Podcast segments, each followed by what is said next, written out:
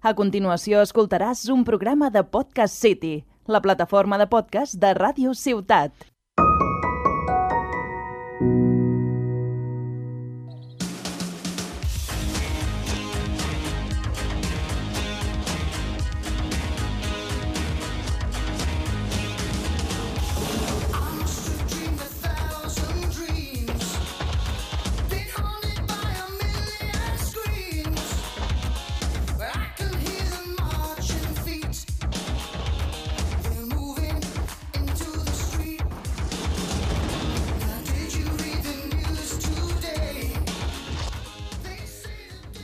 Tothom i benvinguts al primer programa de la segona temporada de Tarragona Sostenible, podcast de Ràdio Ciutat de Tarragona que es realitza en el marc de les activitats d'usos a terme des de la càtedra d'AURB de Desenvolupament Sostenible.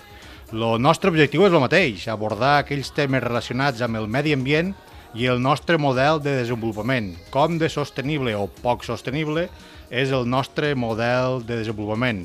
El que sí que hem canviat és la sintonia. Si recordeu, l'any passat teníem una cançó de Joan Manuel Serrat, a Pare. Aquesta segona temporada l'hem canviat i podeu escoltar Land of Confusion de Genesis, una cançó de l'any 86. Però bé, parlem del que hem de parlar. A la temporada anterior si recordeu, i ho podeu consultar els podcasts disponibles a la web de Ràdio Ciutat de Tarragona, vam abordar de la mà d'experts temes com la transició energètica, la percepció del risc petroquímic al Camp de Tarragona, la mobilitat dels turistes i els residents a lo marc de la Covid-19, vam parlar també de serveis climàtics, de riscos naturals, de connectors ecològics, entre molts altres temes. En alguns d'aquests programes ens van explicar projectes que encara estaven realitzant-se, per la qual cosa tornarem a comptar amb aquestes persones perquè ens expliquin ja resultats. Però també incorporarem nous temes, com per exemple el tema d'avui. I de què parlarem avui?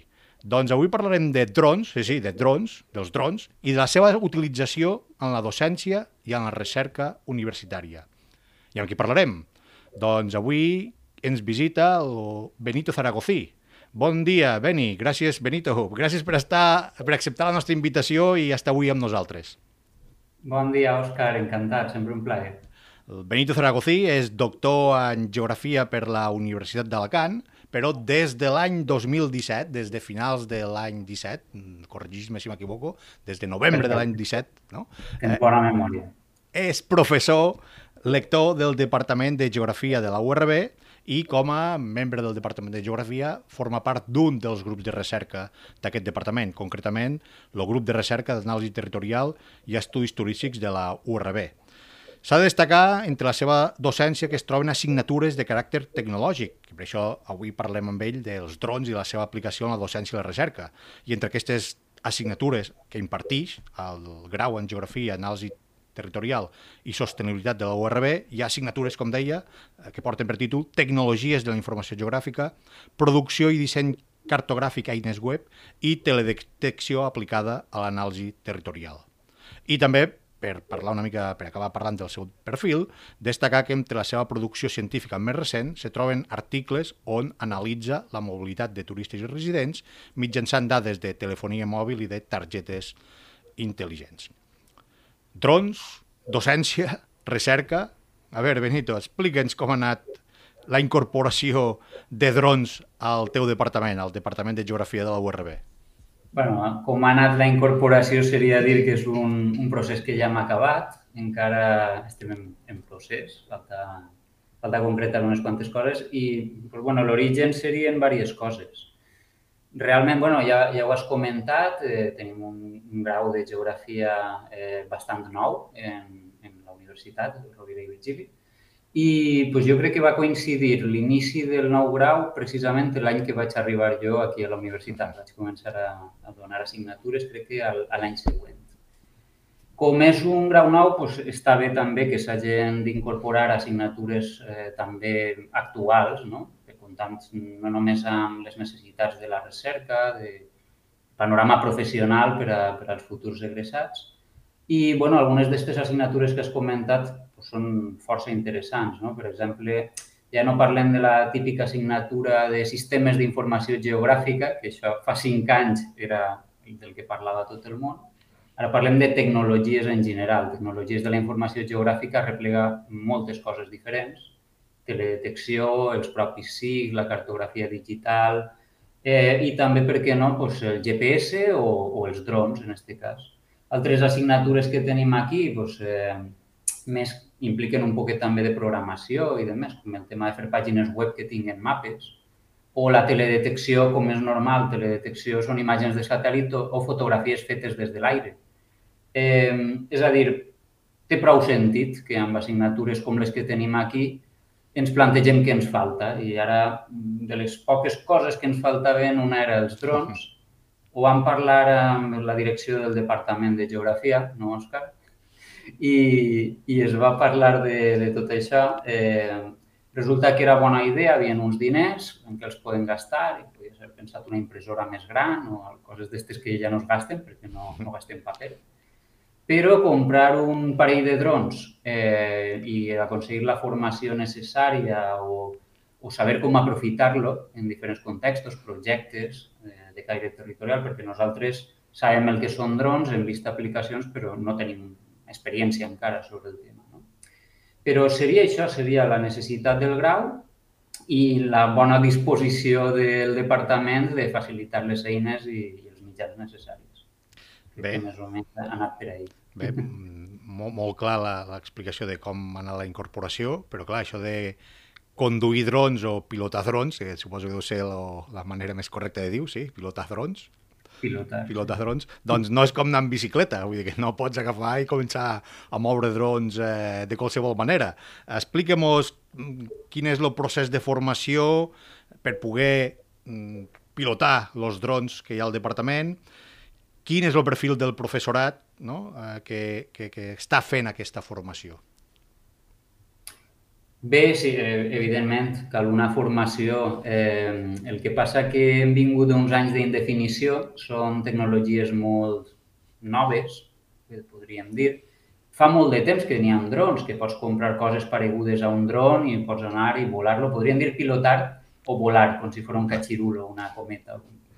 Eh, però eh, per a pilotar fins a fa uns anys, mm, primer van passar un 5 anys així, a partir del 2010, que ja començaven a utilitzar-se drons a nivell professional, la gent no tenia preparació de cap tipus, t'autoformaves i sempre tenies sentit comú i prudència de on estàs volant el dron i els perills que poden envoltar-te. Sí que és veritat que després va arribar una primera normativa eh, a Espanya que era per a començar a regular tot això. No? És un poquet com el tema dels patinets. Ah. Eh, que resulta que mm, per on pots anar en patinet? Fa falta casco, no fa falta casco, cal un segur. Eh, per on pots passar? Si n'hi ha algun accident, eh, qui té la culpa si vas en patinet per enmig de... Són moltes coses que encara ningú s'havia parat a pensar i, i van començar a pensar-ho jo crec que a partir del 2013-14 i van tindre aquesta primera normativa que ha durat quasi Mm, desembre de l'any passat. O sigui, en gener d'enguany ja eh, entrava una nova normativa europea a regular totes aquestes qüestions i es parlen de mm, quins tipus d'aparells es poden volar, com han d'estar certificats, on pot volar cada tipus d'aparell, quina formació cal, una muntona de preguntes que abans es tenien, com a mínim ara n'hi ha una documentació de referència i sabem a què atim-nos. No? Així i tot, com és una cosa prou recent, encara n'hi ha gent que està adaptant-se i funciona amb la normativa anterior, perquè tenen un aparell que costa molts diners, 3-4.000 euros, depenent, n'hi ha drons professionals molt cars, i no van a canviar-lo perquè sí, perquè ha gent canvia la normativa. En aquest cas, la, la Unió Europea, o Espanya també, donen un marge fins a 2023 per anar ajustant aquestes coses. Bé, nosaltres, per a ser previsors, eh, el professorat del departament ja hem començat a, a buscar la formació necessària. Bàsicament, a dia d'avui ho hem posat molt fàcil. No? L'Agència la, Espanyola de Seguretat Aèria eh, resulta que mm, ofereixen una formació que és gratuïta. O sigui, a, fins a 2020, l'any passat, eh, havia una categoria d'aficionats i una categoria de professionals i t'havies de treure un curs o l'altre. Els aficionats realment podien fer quasi qualsevol, qualsevol cosa, però amb prudència. No? I els professionals sí que havien de tindre una titulació. Ara, qualsevol persona que es compri un dron mínimament que puguem anomenar dron i que no sigui un joguet, eh, a partir de 200 grams, una cosa així, 100 grams, ja pot ser perillós que li caigui algú al cap, no? Eh, doncs tota la gent, fins i tot els aficionats que vulguen divertir-se volant un dron o pilotant un dron per, per un parc natural, un, bueno, un parc natural no es pot, per un espai obert que, que siga segur, eh, ja li caldria tindre aquesta formació, que es diu en aquest cas la, la categoria oberta. D'acord? És a dir, tot el món es pot registrar a la pàgina web de la ESA eh, i pot fer dos cursos, dos cursos consecutius que tenen sobretot teoria i després et demanen que signes un compromís de que has fet un mínim d'hores de vol i que tens pràctica abans de donar-te aquesta titulació. Evidentment, els dos diplomes un es diu l'AU-A3, és el primer que, que faries, el més bàsic, i l'A2 després per a doncs, drons un poc més grans i alguns escenaris un poc més complicats. Eh, doncs això ja mm, seria necessari timbo per a pràcticament tot el món. Després n'hi ha altres missions, es diuen missions, com si fos la guerra, no? N'hi ha altres missions que, que requereixen una complexitat major, major experiència o perícia, i és el que es diu les categories específiques. En aquest cas, el professorat del departament, tot i que probablement en la primera categoria oberta ja tindríem prou, doncs estem també acabant uns cursos que són de les categories específiques que pots fer coses com enviar el dron més lluny del que es diu l'alcance visual, pots perdre de vista un poquet el dron sempre que la càmera estiga connectada i saber el dron on està, amb el GPS, evidentment. I després, eh, bueno, sobretot és, és això, si perds de vista, si l'envies molt lluny, les dos, els dos escenaris que es veuen. També pot ser que estigues eh, al voltant d'una muntanya i a l'altra banda del pi deixes de veure el dron. No?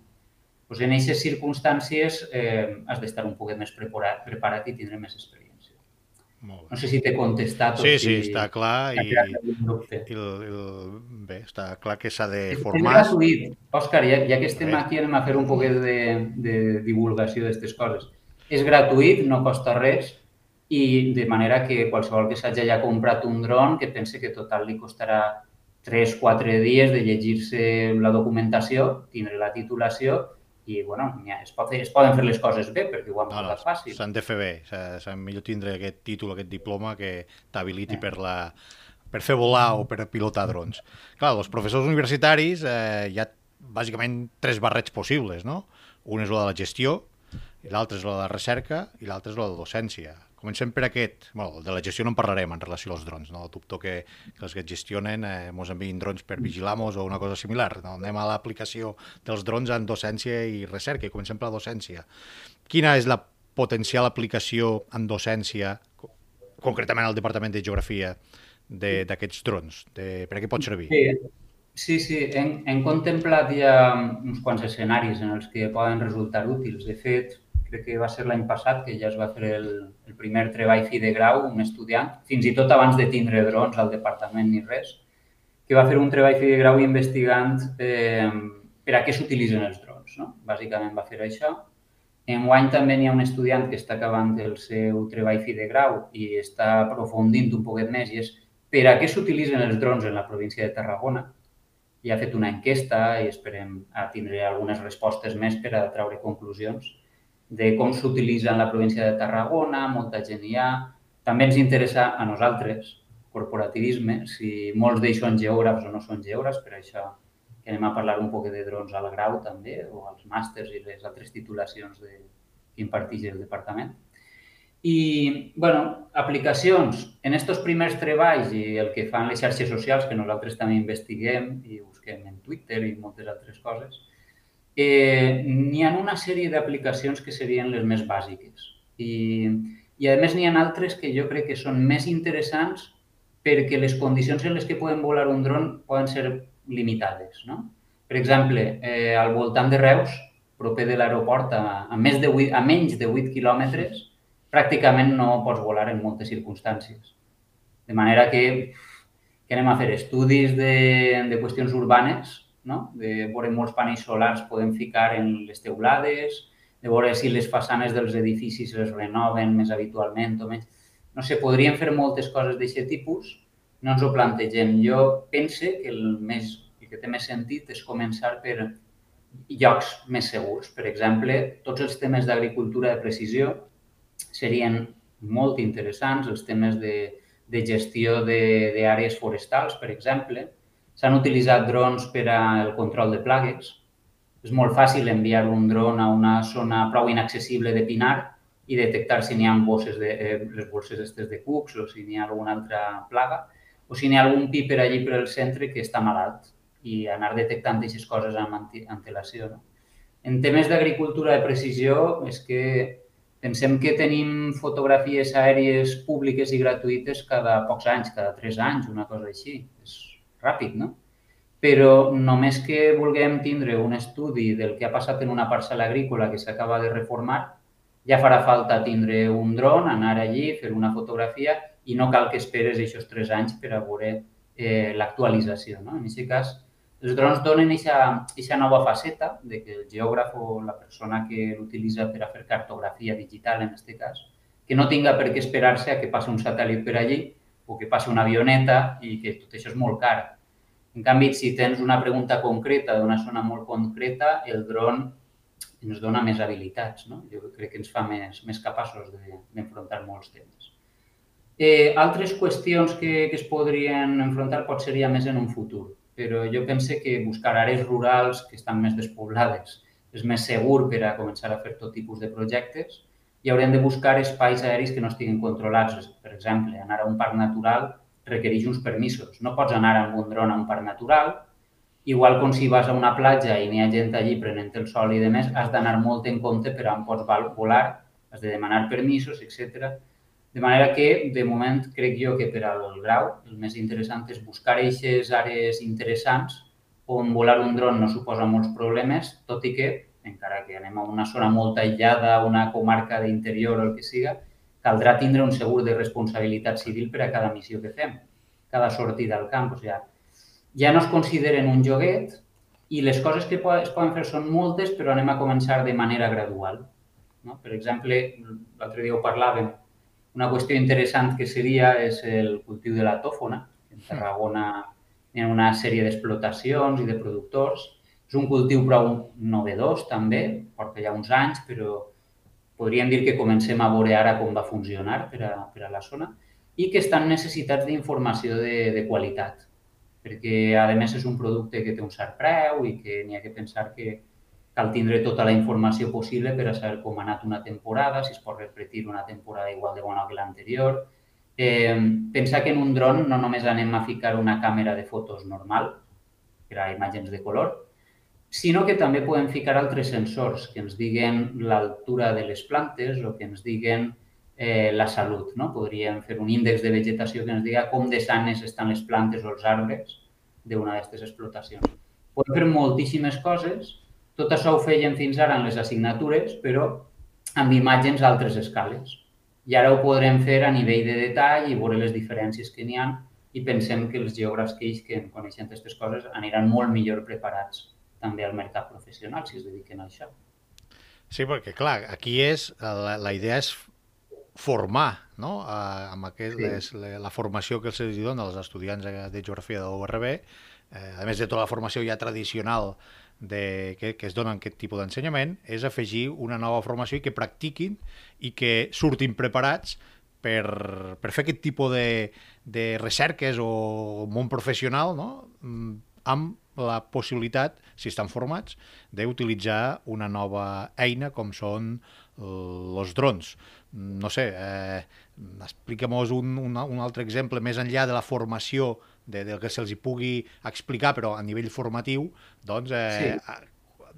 ja quan, quan siguin eh, professionals no, de la geografia i se'ls pugui contractar eh, com a autònoms o amb una empresa o, o muntar ells una empresa, doncs la utilització d'aquests drons.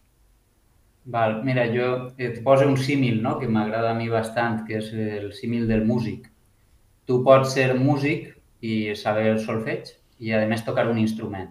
No? I és la teua eina principal, a més de pues, el teu cabet, que és per a, per a saber llegir la música i més. eh, podries tocar més d'un instrument i podries tindre diferents eines, pots saber un poc de piano, quan més saps millor, no? I aquí eh, una eina ja tradicional, de, ja fa 20 anys pràcticament que està ensenyant-se, és l'ús de GPS. No entrem en molta profunditat perquè ja molta gent sap el que és el GPS, doncs entrem en qüestions més aplicades a la cartografia. I en el cas dels drons, eh, podríem pensar que és una eina més. O sigui, és difícil a dia d'avui, sobretot, encara no estan les coses clares, com per a dedicar-te només a ser pilot de drons, sinó que la part important és el dron com a suport a altres tasques. O sigui, no és el dron en si la part important per al professional, sinó és el que fas amb les imatges que has capturat amb el dron. Per això ja estaven les assignatures de teledetecció.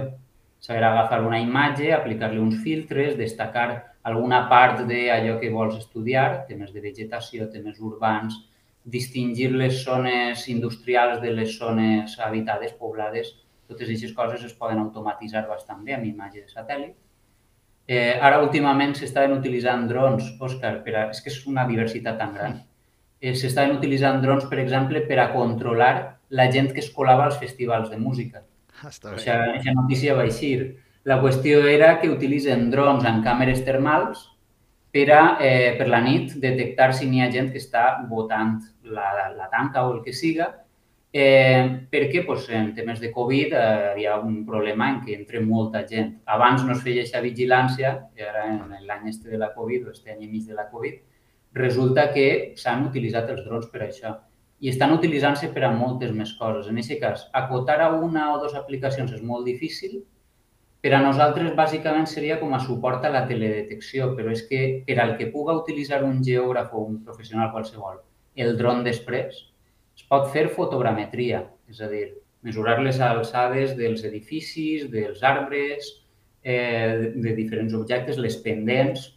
Ara que estem parlant del tema dels drons, com no s'estan utilitzant drons també en, en, en la Palma, en el volcà, per a, per a aproximar-se allí on una persona no aniria i tampoc algun avió tripulat per a estar fent missions cada 5 minuts, sinó que tens un dron, vas allí, fas dos fotos, dos imatges, vulguem dir-ho. I, a més, si l'equip si en sensors, pots estar fent medicions de la qualitat de l'aire, etc etc. És que és una eina tan mm, diversa, pots fer tantes coses, és polivalent. De manera que les qüestions que començarem a fer amb els estudiants seran pràctiques molt més senzilles. Per exemple, ens plantegem la més simple de totes, però podria ser fotogrametria, anar a una parcel·la agrícola eh, i mesurar les alçades dels diferents arbres saber si són més grans, si són plançons que s'acaben de plantar, per a inventari, perquè bàsicament jo crec que l'aplicació més bàsica de tot el que es pot fer amb el dron és l'inventari, replegar dades. Replegar dades, després ja veurem per a què s'utilitzen. I més endavant hi haurà aplicacions de tot tipus, poden ser fins i tot serveis. Està el cas de, dels de repartidors de paquets d'Amazon, que és una idea que bueno, està abandonant-se un poquet, però bueno, igual la tornen a reprendre en un temps, no? perquè en el Regne Unit han començat a llevar la gent que estava muntant tota aquesta plataforma de drons per a repartir paquets, van llevar treballadors, bueno, però és una idea que pot tornar en qualsevol moment.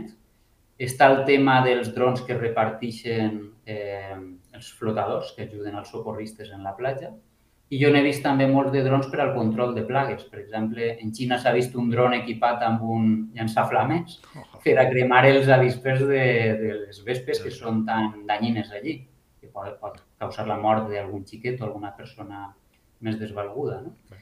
Eh, aplicacions moltíssimes. Es tracta de parlar, parlar amb els estudiants de tota aquesta varietat d'opcions que tenen ja hem vist que la formació, la inicial, és gratuïta, després es poden especialitzar ja doncs, amb alguna sèrie de cursos. I nosaltres, des de la carrera de Geografia, a més de totes aquestes aplicacions, obrir la primera d'elles, que seria aquest inventari. Tractar de fer fotografia aèrea, ortofotografia, fotografies obliqües de llocs amb difícil accés, seria els primers passos, i després alguns models en tres dimensions per a mesurar alçades i demés. Ja veurem si, si anem ficant-ho en el grau i té bona cabuda en totes les assignatures, en algun moment comprarem altres sensors diferents que ens permetran fer més coses. Anirà creixent, la cosa anirà creixent. No, no, està, està clar que l'aplicació és molt variada, no? un ampli ventall d'aplicacions i està molt bé que se formin aquests estudiants amb aquesta nova tecnologia. ja per acabar, eh, Benito, eh, ja vam parlar la temporada passada amb el coordinador del grau de Geografia, parlant del, de la presència d'unes assignatures no? per projectes, que és una cosa poc corrent en, en, en carreres, en graus com el nostre, com el de Geografia, però bé, a, a veure, aprofitant a veure si la rectora o el vicerector de docència mos escolta, no? també voldria que diguessis si és molt habitual que en ensenyaments, especialment, o ensenyaments de la nostra disciplina, la incorporació d'aquesta tecnologia és pionera o, o, o, o ja anem dels últims? Val, mm, jo crec que ho hem agafat en un bon moment. No sé, és la resposta políticament correcta.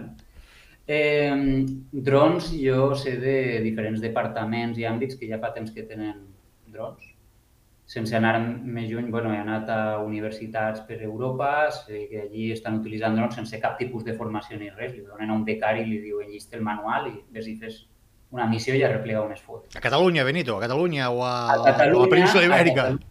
Eh, realment no, no conec ningú cas, però sí que sé que en la pròpia URB en altres departaments tenen drons eh, no, no estem en contacte. Suposo que en algun moment començarem a parlar d'aquestes coses perquè si hem de consensuar un segur de responsabilitat civil que siga flexible, que millor que tindre tots els drons de la universitat eh, inventariats, etiquetats i que l'operador d'aixòs drons eh, siga la pròpia universitat, que no siga el departament i que cadascú faci la guerra per, per la seva banda. Eh, jo a Catalunya ja et dic, Sé que n'hi ha casos puntuals, no són molt evidents les seues aplicacions per a què s'està utilitzant, estic segur que més gent en tindrà, però no és una cosa tan comú. Jo també conec més casos, ja ho has dit abans, vinc d'Alacant, conec més casos de Comunitat Valenciana, Andalusia, en Andalusia, en alguna universitat en tenen. En Alacant, per exemple, vam estar pensant en comprar-ne un fa ja vora 10 anys, que ho van començar a pensar, però mai era el moment, perquè eren aparells molt, molt novedosos, encara no era fiable, no havia una normativa clara, no sabies on podies volar o no podies volar. Hi eren tants dubtes i tots aquests dubtes precisament ara en desembre mm, han quedat liquidats i ja saps exactament el que has de fer i, i n'hi ha un, una ruta que poden seguir. No? Eh, jo crec que, que és novedós i espero que sí, que els drons s'utilitzen cada volta més, espero que en els diferents graus de geografia i altres titulacions Arquitectes utilitzen molt els drons també. Control de, le, de la qualitat o de l'estat de les cobertes dels edificis eh, o de les obres que estan en marxa. No? Els eh, geodestes o els topògrafs també utilitzen drons per a temes de moltíssims, moltíssims professionals. No?